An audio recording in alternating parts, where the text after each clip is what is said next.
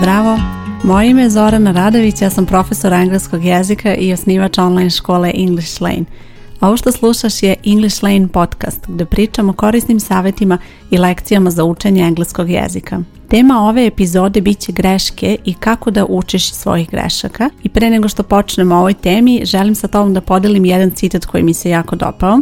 It's how you deal with failure that determines how you achieve success. Ovaj citat govori o tome da način na koji rešavaš greške, odnosno kako prilaziš nekom problemu, zapravo određuje način na koji ćeš ostvariti uspjeh i mislim da je to potpuno primenljivo kada je u pitanju učenje engleskog. I prva stvar koju treba da zapamtiš kada su u pitanju greške je da su greške sastavni deo učenja,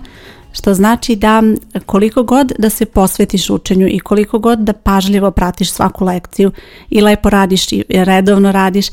pre ili kasnije napravit ćeš neku grešku i to nije ništa strašno, to se dešava i sasvim je normalno da ćeš napraviti neke greške, ali vidjet ćeš sada u nastavku zašto je to zapravo veoma dobro za tebe. Nedavno je jedna polaznica u mojoj školi radila test i nakon toga mi je poslala poruku da je napravila glupe greške, ali zapravo te greške meni su pokazatelj toga šta ona zna, kakve nesigurnosti ima i zapravo mi mnogo bolje pomažu da procenim kako ona može dalje da nastavi sa učenjem, da li joj treba pomoć u nekim delovima i te greške uopšte nisu glupe, zapravo su veoma korisne. Također je bitno da napraviš razliku kada su u pitanju greške, postoje dve vrste. Prva vrsta su greške koje se slučajno dešavaju, recimo znaš kako se piše neka reč, ali si izostavila neko slovo i to ne znači da ti ne znaš to, nego jednostavno desilo se da si u brzini pogrešno napisala ili može recimo da ti se desi da zaboraviš nastavak za treće lice jednine u sadašnjem vremenu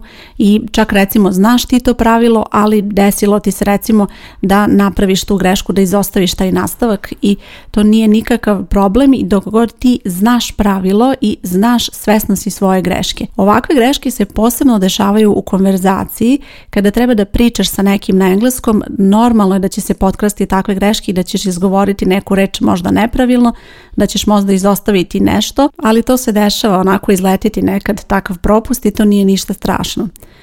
Druga vrsta su greške koje praviš kada nešto ne znaš i takve greške su malo već ozbiljnije i to je nešto što tebi treba da bude pokazatelj da moraš da se vratiš da nešto bolje naučiš. Recimo ako nisi naučila neko pravilo i sada pišeš neku rečenicu i ta rečenica ti je ispravljena i ti vidiš grešku ali ne znaš zašto si pogrešila, tu postoji problem, ti moraš da razumeš tu grešku, moraš da shvatiš zašto si pogrešila da onda tu grešku ne bi napravila kasnije. Ako ti se recimo desi da si sada napravila neku grešku i razumeš otprilike zašto si to pogrešila, ali kroz par dana, par nedelja napraviš opet istu grešku, to ti je pokazatelj da ipak nisi to dobro naučila i da moraš da se vratiš jer te greške u stvari predstavljaju neke tvoje nesigurnosti, a kako napreduješ sa učenjem te nesigurnosti ostaju ako ih ne ispraviš, odnosno ako se ne vratiš da naučiš nešto što si propustila, onda pre ili kasnije to će tebi predstavljati problem kada treba dalje da učiš nešto, kada treba na osnovu toga, kada treba to recimo da upotrebiš u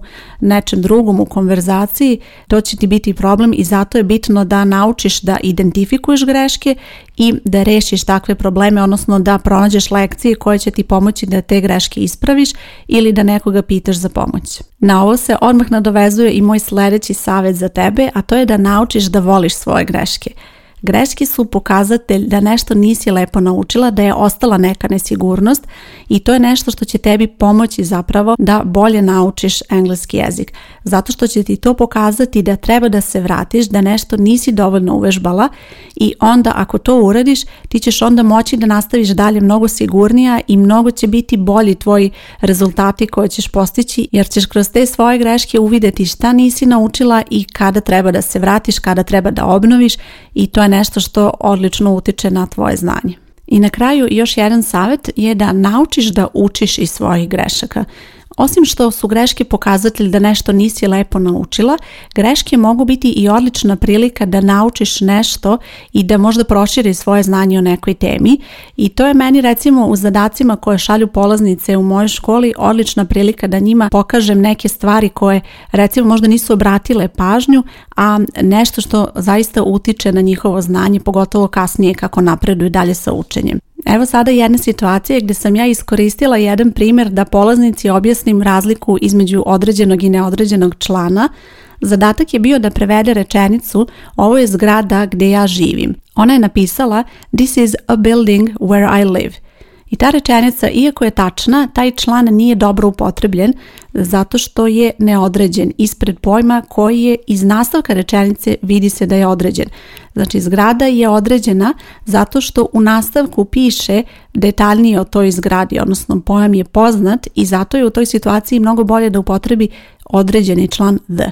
This is the building where I live. Iako ovo nije nikakva posebna greška i rečenica bi bila tačna i da je napisala neodređeni član, ipak je ovo bila odlična prilika za nju da razume zašto je član određen i neodređen, odnosno kako je pojam određen, neodređen i kako utiče to na izbor člana, a to je nešto što ona može posle da upotrebi kada god piše neki primjer, kada radi prevod, kada radi konverzaciju, šta god može da primeni to pravilo i da razmišlja na taj način o upotrebi članova. Imala sam još jedan primjer kada je u pitanju upotreba članova i rečenica je glasila ovako.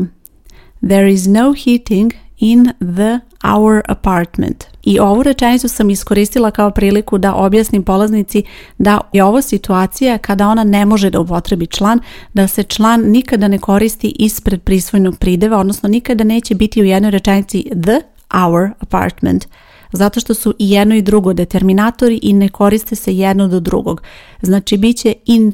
our apartment ili mogla je da napiše in the apartment. Ne može da upotrebi i jedno i drugo ispred jedne imenice. I to je pravilo koje je ona naučila kroz ovaj primjer i zahvaljujući tome što je napravila ovu grešku, ona je sada naučila ovo pravilo i znaće da to upotrebi kasnije. Kada pominjem polaznice, mislim na polaznice u mojoj online školi koja se zove English Lane i ako želiš možeš da nam se priključiš na ovoj stranici gdje slušaš podcast ostavit ću link ili možeš potražiti English Lane online škola. U pitanju je online učenje koje se odvija putem naše platforme i gdje ja imam mogućnost da polaznicama pregledam zadatke i da im pružim povratnu informaciju tokom njihovog napretka tako da sve aktivnosti koje rade ja pregledam i pratim njihov napredak i imam priliku da im ukažem na ovakve takve greške koje one mogu napraviti i na vreme im skrenem pažnju da na nešto treba da se vrate ili jednostavno pojasnim neke stvari zato što je to bitan deo učenja i to je nešto što tebi savjetujem bez obzira koji način učenja koristiš, treba da uvek sagledaš sve tvoje greške i da ne vidiš to kao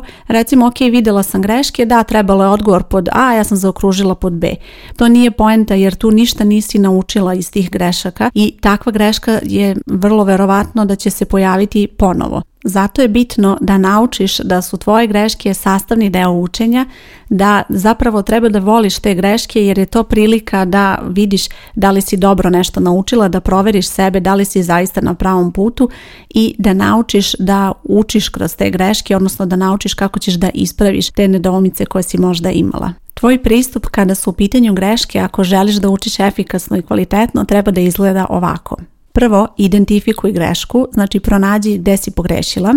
Druga stvar, zapitaj se zašto si pogrešila, zašto si napravila tu grešku.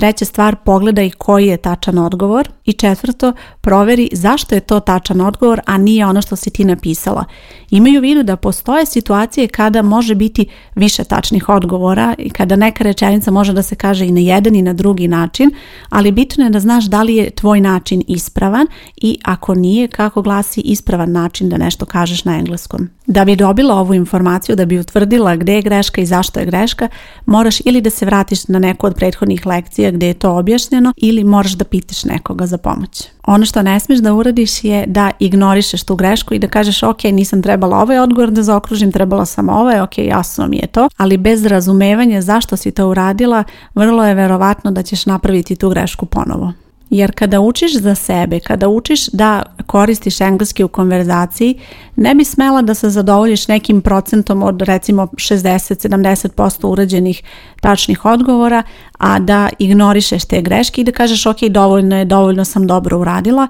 jer te greške su u stvari nešto što će tebi kasnije biti problem u konverzaciji i ako to ne naučiš,